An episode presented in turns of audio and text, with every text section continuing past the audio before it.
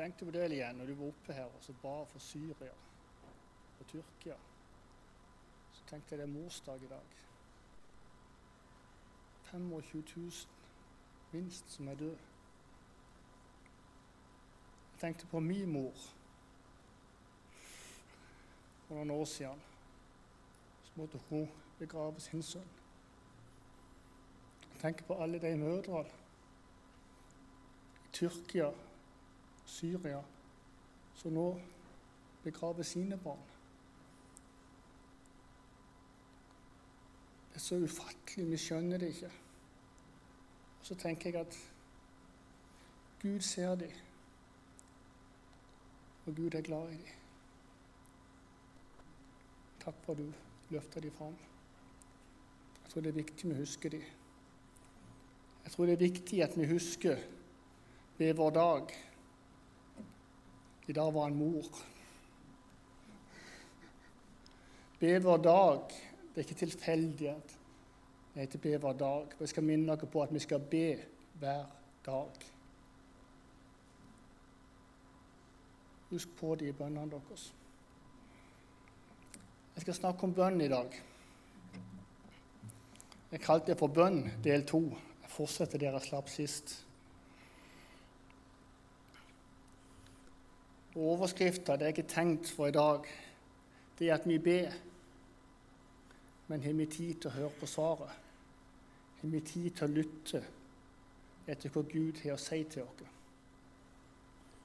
Og hvis Gud taler til oss, hvis Gud svarer oss, hvordan reagerer vi da? Sist så begynte jeg med et ord i Matteus 6,6. Kan det komme opp på tavla? Og Det er når Jesus skal lære oss å be, så begynner han å si Men når du ber, skal du gå inn i et rom og lukke din dør og be til din far som er det skjulte. Og din far som ser i det skjulte, skal lønne deg. Og så gikk jeg over på den gamle oversettelsen. Der det står at, at du skal gå inn, du skal lukke din dør, du skal gå inn i ditt lønnkammer. Du ber deg gå inn i ditt lønnkammer og lukke din dør og be til din far, som er i lønndom. Jeg tenker at Den nye oversettelsen har mista et godt poeng der, dette med lønnkammeret. For lønnkammeret Jeg skal bare repetere det litt, det jeg sa sist. For lønnkammeret på Jesu tid det var et rom innerst i huset. Hvis du hadde et firkanta hus, du hadde ei dør du gikk inn i, og helt bakerst innerst i huset der var det kanskje en hems der folk sov. Stigen gikk opp, og så sov de oppå der. Og det var ofte sånn at på kvelden så tok de inn dyrene i huset for å ta vare på dem. Det kunne være høne, det kunne være geiter, det kunne være sauer, det kunne være nesten hva som helst. Og under denne hemsen der inne så hadde de oppbevart de tingene de var redd for. De tingene som var verdifulle for dem. De som ikke de ville skulle bli ødelagt, bli tråkka på, knust eller stjålet. Så oppbevarte de det inne i lønnkammeret. De tok vare på det som var verdifullt. Og jeg tenker Når Jesus bruker det ordet så går inn i ditt lønnkammer, du skal be til Far som er det skjulte, så tror jeg han ønsker oss å sette fokus på verdien av vårt bønneliv. Hvor viktig det er. Det er noe vi må beskytte. Det er noe vi må ta vare på. Og det er verdifullt.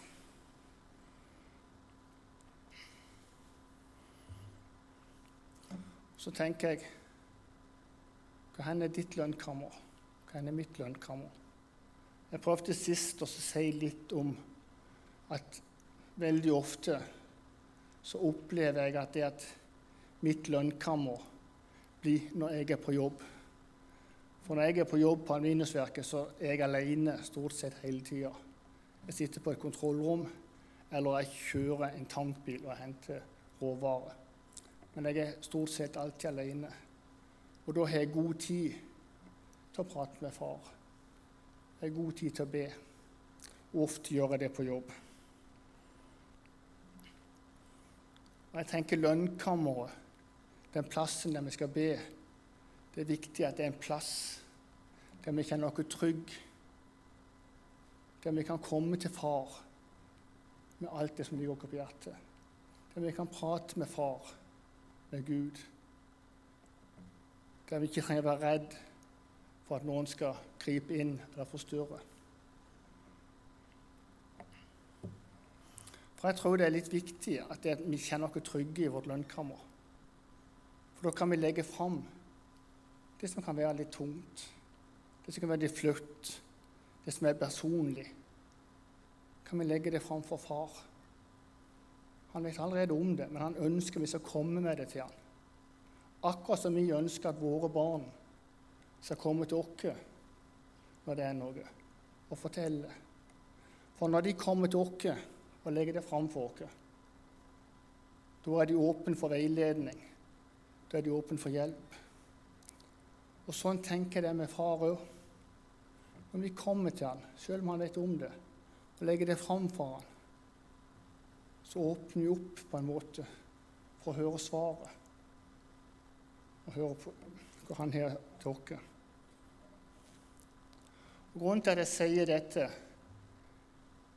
det er fordi at på onsdag da hadde vi en medarbeiderfest her i kirka. Så stender Jonas, vår ungdomspastor, her. Så holder han en appell. Og Der han sier det er noe som rører seg i Norges land, noe profetisk. Og Gud ønsker å få oss tale. Gud ønsker å lede oss. Men problemet er at vi ikke har tid til å høre. Vi har ikke tid til å høre hva Gud sier. Vi klarer ikke å finne roen. Vi klarer ikke å finne roen så han kan få snakke til oss. Jeg tenker på Elia. Han var redd, han flykta. Han kom til fjellet Horeb. Han la seg til å sove inne i ei hule. Og mens han sover, så taler Gud til han. Og ber han Gud å stille seg i åpninga på hula der, så vil Gud tale til ham. Jeg tenker Det var noe med Elia òg. Når han sov, så talte Gud til ham. Da tenker jeg at da hadde han den roen at Gud fikk tale til ham. Så gjorde Elia som Gud sa. Og Så gikk han ut, og så stilte han seg i åpninga. Og så leser vi at det at det kom et veldig stormvær forbi. Men Gud var ikke i stormen. Så kom det et jordskjelv. Det rista det bråkte buldra. Men Gud var ikke i jordskjelvet. Så kom det en veldig ild forbi. Men heller ikke der var Gud. Men så hørte han en stille susen. Og der var Gud, og så talte Gud til ham. Så fikk Elia et nytt oppdrag. Og så gikk han på det. Så tenker jeg hvordan reagerer vi når Gud taler til oss? Hvordan reagerer vi når vi får svar på våre bønner? Sist så nevnte jeg to personer i Lukas 1 som fikk bønnesvar. Den ene var Zakarias, eller Zakaria, en eldre prest som sto der Engelen kom, engel Gabriel kom med beskjed at han skulle bli far. De skulle få barn. Dette var en eldre ektepar. De hadde sikkert bedt til Gud mange ganger opp gjennom årene om å få barn og få bli foreldre. Men det hadde ikke blitt det. Og jeg tenker Det var en sorg i livet deres etter at de ikke hadde fått barn. Så kommer engelen med beskjed og så svarer Zakarias, Zakaria hvordan kan jeg være sikker på dette? Jeg er jo gammel, og min kone er høyt opp i årene. Det står i Lukas 1, 18. Det er mange grunner til å si at jeg forundrer meg over hvordan han kunne svare dette egentlig, Zakaria. hvorfor skulle det komme en engel på besøk. Han sto der med offeralter, røykofferalter. Det var kun prestene som hadde lov til å gå der. Det kom ikke hvem som helst inn der. Plutselig er det en engel der med beskjed, og så tviler han på svaret. Hvordan kan jeg være sikker på dette? Jeg er jo gammel, og min kone er også høyt oppe i årene. Men så er det ei, ei ung jente, ei ung dame, som får beskjed litt seinere av den samme engelen. Og jeg tenker denne dama har nok gjort som de fleste av oss og de fleste ungdommer i dag gjør. I hvert fall troende ungdommer. De gir livet før seg. Og de ber til Gud og at Gud skal vise dem veien. De legger sitt liv framfor Gud og ber han vise dem hva tanker har du for meg, Hvilke planer har du for meg. Og jeg tror hun har gjort dette sikkert flere ganger. Og så plutselig så kommer det en engel på besøk. Den dama er jo Maria, som er Jesu mor. Og når engelen kommer, så kommer han og sier at hun skal bli med barn. Hun skal føde Guds sønn, verdens frelser. Voldsomt oppdrag. Jeg vet ikke om hun helt skjønner alt. Engelen forklarer hvordan dette skal skje, og hvordan det skal komme til. Og men så svarer hun helt annerledes enn den gamle presten. Lukas 1, 38, så står det Se, jeg er tjener for Herren. La det skje meg som du har sagt. La det skje meg som du har sagt. Og Jeg tror nok hun hadde lagt sin vei i Herrens hender. Hun stolte på at Gud ville gjøre det, og Gud ville gripe inn, og Gud ville lede henne. Så, men jeg vet ikke om hun hadde tenkt at det skulle skje på denne måten. For hvilken ung jente tenker dette? Det er helt utenkelig. Men allikevel så gir hun seg over og ser ut til Gud. Jeg er din tjener. La det skje meg sånn som du vil. Og jeg tenker at dette svaret som Maria ga til engelen. Det burde ha stått i Bibelen med to streker under. Og det er et eksempel tenker jeg, til etterfølgelse for alle, til etterfølgelse for alle oss. Ordene hennes 'Jeg er en Herres tjener'. La det skje meg som du har sagt. Og det er gjenklang i meg. Når jeg leser hva Siri Iversen, altså generalsekretæren vår, ut, hvordan hun uttrykte seg i forbindelse med når hun utlyste bønn og fastehelg. Var det ikke forrige uke? Fra 3. til 5. februar. Og ordlyden, fall jeg slo opp i Misjonsbladet for å se, så står det Jeg lyser ut bønn og faste der vi vil si Kjære Gud, gjør med vårt kirkesamfunn det du vil. Det gir gjenklang i det Maria sa. Og igjen tenker jeg, hvordan reagerer vi når vi hører sånt? Hvordan reagerer vi, du og meg, når Gud taler til oss? For jeg tror at Gud kan tale til oss gjennom generalsekretæren vår, gjennom våre ledere, gjennom våre pastorer. Hvordan reagerer vi og pastoren vår når Geir forteller på bønnemøtet mandagen etter vi hadde bønneuka her, så sier han at han har fått et ord fra Herren mens han gikk på huset her og ba for menigheten. Ba for arbeidet. Legger det fram for Gud. Så får han et ord fra Herren.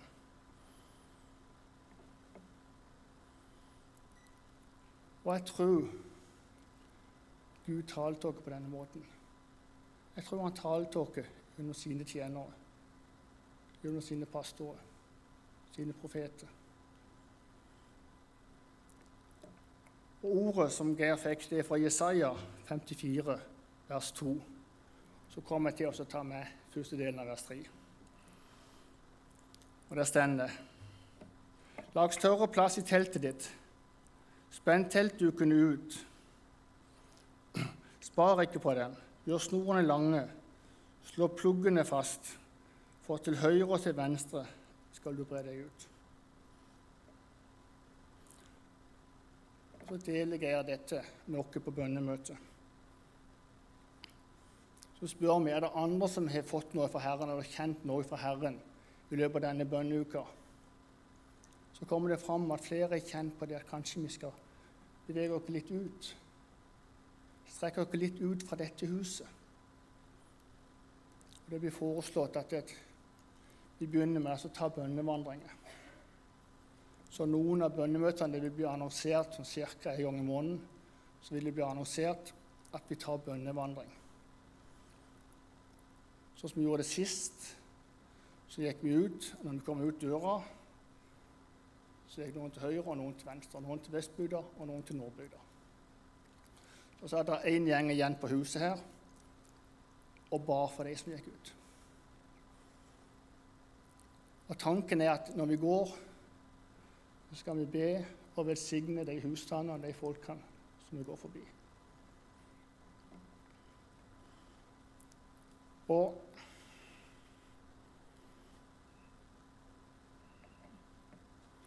Jeg tenker at det, at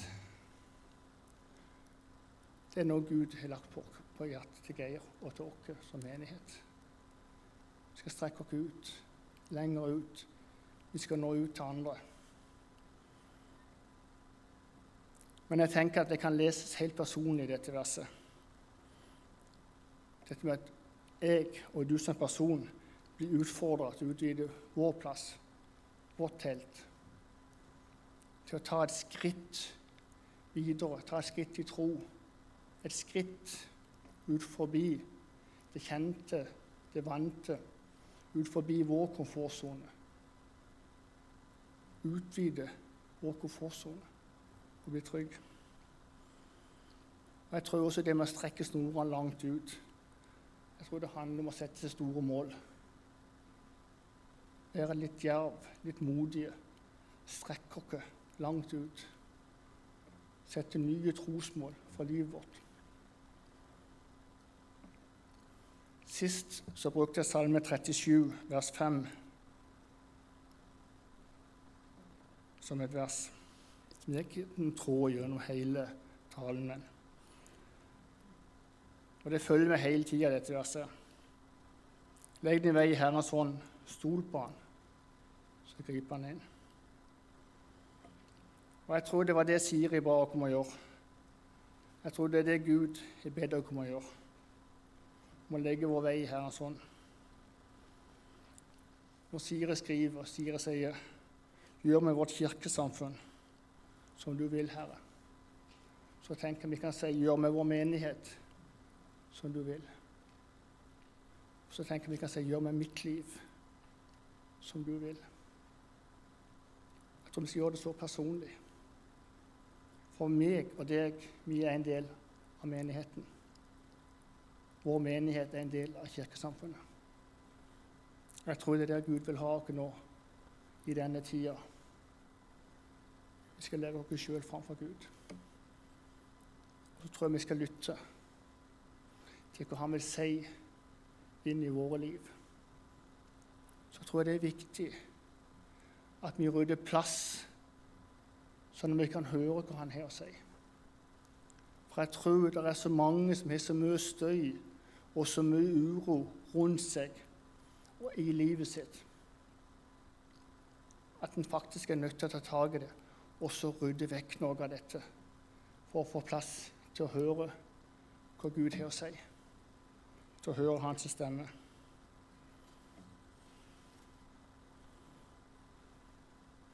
Og jeg tenker det var noe av det du gjorde, Geir, når du gikk her og ba. Du la menigheten arbeide framfor Gud.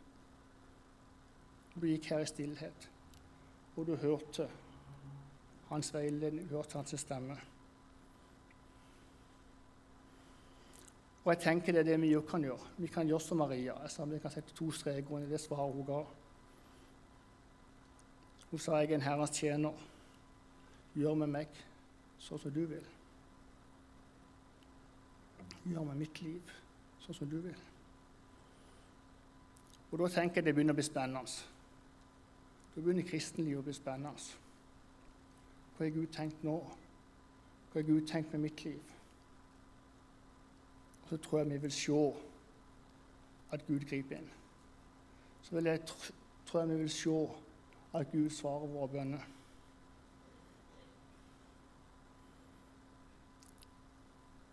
Legg din vei i Herrens hånd, stol på Han, så vil Han gjøre det. Ellers vil Han gripe inn, som det står i noen oversettelser. Og jeg tenker begynn med å be. Begynn med å ta tid i lønnkammer. Lytt etter svar. Og så er det mange som sier ja, men hvordan kan jeg vite at jeg er fra Gud, at det ikke er meg sjøl? Så jeg har funnet fram et sitat fra en gammel munk. Og det kan være et tips. I hvert fall så er det et tips som jeg har fulgt mange ganger og lært sannheten i. Og Den russiske munken og asketen Serafim av Sarov han levde fra 1759 til 1833, så det er jo en gammel historie. dette her. Han fikk en gang et spørsmål om hvordan han gikk fram i åndelig veiledning. Mange kom til han for å få veiledning og få svar i åndelige spørsmål. Få svar på hva vil du nå, Gud? Hvilken retning skal jeg gå nå? Så sier han, 'Jeg sier bare det Gud inngir meg å si.' 'Den første tanken som kommer for meg, betrakter jeg som et budskap fra Gud.' 'Og om jeg skulle begynne å lete etter svar selv, så vil jeg snart gjøre feil.' Dette er noe jeg har erfart i mitt liv mange ganger. Folk er kommet og de gjerne vil ha en samtale, gjerne vil ha forbønn. Så kan det virke veldig rart men veldig ofte den første tanken, den er fra Gud. Og begynner jeg å forme dette videre, så blir det mine tanker, så roter jeg det til. Og jeg har opplevd ting Ikke opplevd, det var kanskje rart, men spesielt når jeg skulle be for folk, så jeg har fått en følelse. Jeg har ikke skjønt det helt. Jeg har kanskje kjent på en veldig sorg. Jeg har kanskje kjent på en veldig voldsom ensomhet. Og så har jeg bare begynt å be om det. Og så har det vist seg at faktisk så var det det dette mennesket sleit med. Så jeg har ikke trodd at det var sånn. Det har vært gjerne mennesker som har vært veldig utadvendte og veldig friske sånn. Og så kjenner du på en veldig sorg eller en veldig ensomhet. Så stemmer det. Det er det som er problemet. Av og til har jeg fått noen bilder som jeg ikke har skjønt. Så bare står på av, og så sier jeg at, jeg får et bilde der jeg ser at du sånn og sånn og sånn. Og veldig ofte så stemmer det. Så regel alltid stemmer det. Men skulle jeg begynne å rote det til med mine egne tanker, for jeg skjønner det ikke sjøl alltid, så hadde ikke de mennesket heller skjønt at det var fra Gud. Så den første tanken er ofte fra Gud.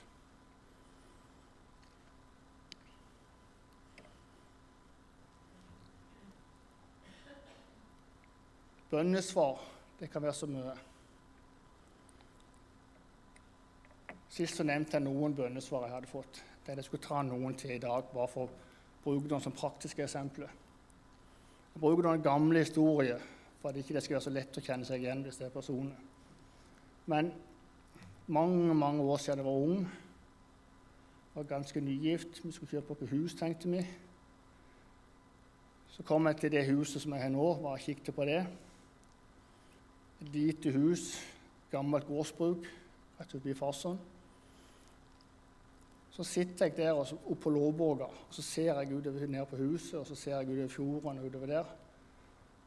Og så tenker jeg at dette må være en grei plass for Gud å bruke dette huset. Og så ber jeg. Husker det. Jeg er, jeg er veldig rørt når jeg sitter der, og jeg griner faktisk. Og så ber jeg til Gud dette huset Jeg har så og så mye jeg kan betale. Jeg, kan, jeg har ikke flust med penger. Men hvis du vil jeg skal ha dette huset, så må jeg få det for denne summen. Og Hvis jeg får det for den summen, så tar jeg et tegn på at det er ditt hus, og at du vil bruke dette huset. Og Så skal jeg bare bude, og så disponerer du det sånn som du vil. For å gjøre historien litt kort, Det var mye fram og tilbake, for det, det var en sum som var De ville hatt mer for det. Men så får jeg huset, og vi flytter inn. Og Gud bruker det huset til alt. Kan ikke tenke oss til alle de mennesker og alt det som har blitt møtt, og alt det som har blitt bedt, og det som har blitt frelst, og det som har skjedd i det huset. Det var helt, helt enormt. Så skjer det Det er gått noen år. Så sitter jeg på kontoret i Farsund og holder på å skrive, husker jeg. Jeg holder på å skrive noe vi hadde kalt det for ja, så ukes, uh, ukesbrev eller ukeshilsen. Så bak der så skrev jeg en andakt. Så sitter jeg der og så skriver jeg, skriver jeg en andakt. Og mens jeg skriver den andakten, så tar jeg Gud til meg. Så jeg, Einar, jeg vil at du skal begynne på ansgarskolen. Jeg vil at du skal utdanne deg til pastor. For de vil snart trenge hjelp ut på lista. Ikke til skolepastor, men de vil trenge hjelp ut på lista. Og det rare er at Gud hadde en finger med dette. For når jeg reiste på Ansgarskolen og pendla fram og tilbake til Kristiansand, så hadde ikke jeg hatt tid til alt dette som Gud brukte huset til. Men da var det tre år med ro. Tre år med ro. Men jeg var så oppkava i mitt indre at når skolen var ferdig, så begynte jeg jo å bygge på og begynte å styre og begynte å gjøre masse. For jeg, jeg hadde ikke ro i kroppen. Og Jeg husker jeg ba til Gud, helt konkret. Jeg savner den tida når det ugjorte liv her, når du brukte huset. Jeg tror ikke det gikk to dager, så fikk jeg en telefon på jobb. Einar, vi har to ungdommer som trenger en plass å bo. Kan dere hjelpe dem? Og så sier jeg ja, men jeg må snakke med Turid først. Ja, Når kan jeg snakke med henne? Når jeg kommer hjem. Ja, Kan jeg ringe deg opp når vi kommer hjem? Ja. Klokka fem samme dag får jeg ny telefon. Vil du snakke med Turid? Ja. Er det greit? Ja. Klokka tre neste dag så sto de der med to ungdommer som ikke vi kjente. Og det er jo klart to ungdommer, 14 og 16 år. De har mange venner. De har stort kontaktnett. Så skal jeg si det ble liv i hus. Da begynte det å yre, da begynte det å, å skje ting. Så Gud hører bønn, men han svarer ikke alltid sånn som vi tenker.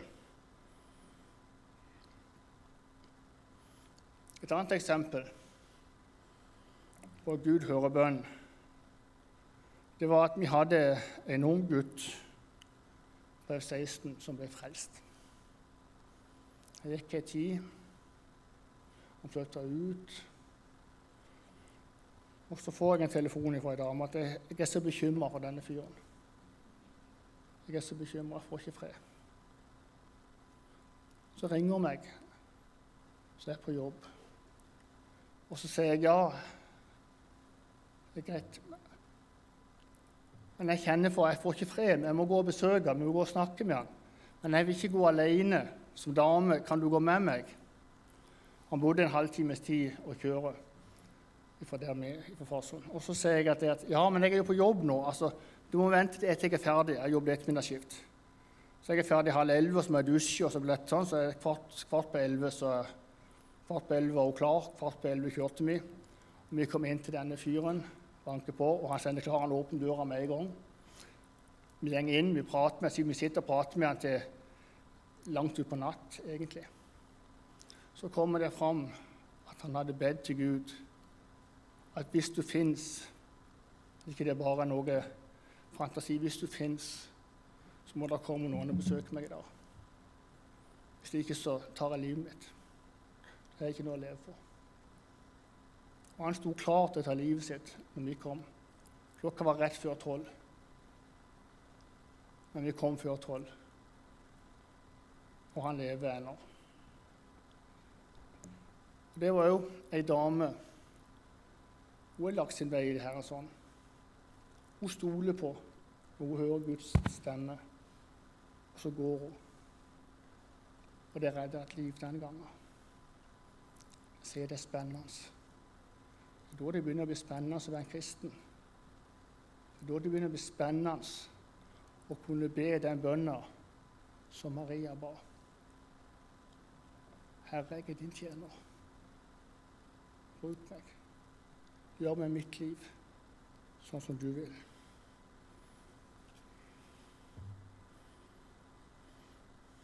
I dag har jeg prøvd å legge fram noen reaksjoner på folk som fikk bønnesvar. Første var Zakaria, en eldre prest. Han betvilte det engelen sa. Det gikk imot naturen. Det gikk imot det han hadde forestilt seg i sitt hode. Den andre var ei ung jente, ei ung dame, Maria. Hun trodde det engelen sa, tok imot budskapet. Selv om hun ikke nok skjønte helt konsekvensene av dette. Men nå sa jeg en, en Herrens tjener. Gjør med mitt liv sånn som du vil. Og så fikk hun føde verdens frelser, Guds sønn. Det tredje eksempelet jeg brukte, det var Siri Iversen. Hun lyser ut bønn og faste for hele Misjonskirka Norge. Så bruker de samme versene. Så nevner jeg Geir. For jeg tror at Gud bruker de. Jeg tror Gud bruker våre ledere, våre pastorer, til å tale sitt ord til oss. Så forteller Geir at Gud taler til ham her ute. Vi skal strekke oss lenger ut. Vi skal utvide plassen for vårt telt. Så ikke nok med det. Neste mandag blir det handling. Så begynner menigheten å gå ut. Så begynner vi å be, og så begynner vi å velsigne husstander. Så begynner vi å be og velsigne folk.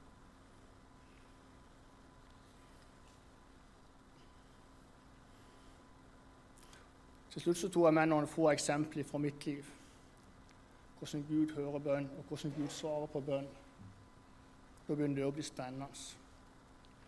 Du kjenner at Gud er med å lede, og Gud griper inn på noen måter som du aldri har tenkt. Og så blir folk redda, og så blir folk frelst. Så for å trekke dette i hop og avslutte dette nå, så begynte jeg med å snakke om at det er en tid der Gud ønsker få oss tale. Det er en tid der Gud vil snakke til oss, svare på våre bønner. Men har vi tid, og har vi ro nok til å høre svaret? Derfor nevner jeg dette med lønnkammeret, ikke bare rom eller kammer. Men bruk litt tid i ditt lønnkammer. Hvis ikke du vet hvor ditt lønnkammer er, henne, så finn en plass der du kjenner at du kan være trygg, der du kan legge fram dine ting. Når vi leser om Jesus, så kan vi lese at han, han gikk ut på et øde sted, på et stille sted, og så var han der i bønn. Hele natta kunne han være der i bønn. For da var han trygg. Da kunne han legge sitt fram. Jeg nevnte Elia. Han rymte, kom til fjellet Horeb. Gud talte til ham mens han sov. Da hadde han roen. Da hadde han stillheten. Gud kunne tale til ham. Og han gjorde det Gud sa. Han legger ut av stilte seg på berget eller i åpninga. Og så kom Gud i en stille susen, og så talte han til ham. Og så gikk han på det. Jeg nevnte Maria som et eksempel. Jeg sa det verset hvor det står to streker i Bibelen. Hun sier at hun er Herres tjener. Gjør med mitt liv sånn som du vil. Våger vi å be den bønna?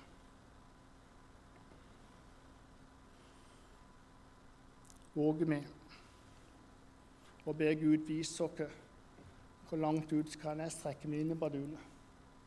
Hvor skal jeg sette mine plugger fast henne? Våger vi å be Gud vise oss det?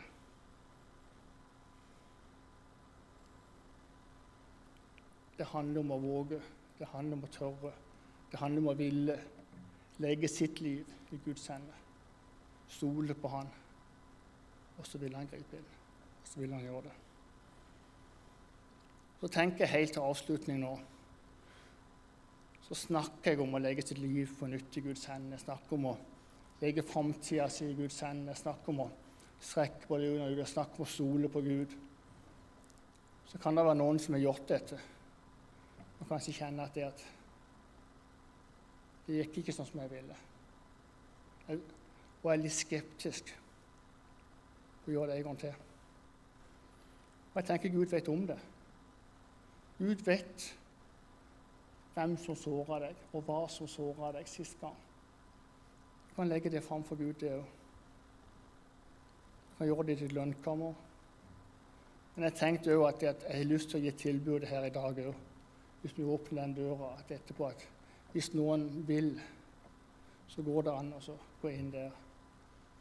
Så kan du legge det fram for Gud. Så vil sikkert noen komme og være med og be for deg hvis du trenger det. Det var det jeg hadde tenkt å si i dag. Våg. Ta en sjanse. Våg å stole på Gud. Våg å legge ditt liv i Herrens ende.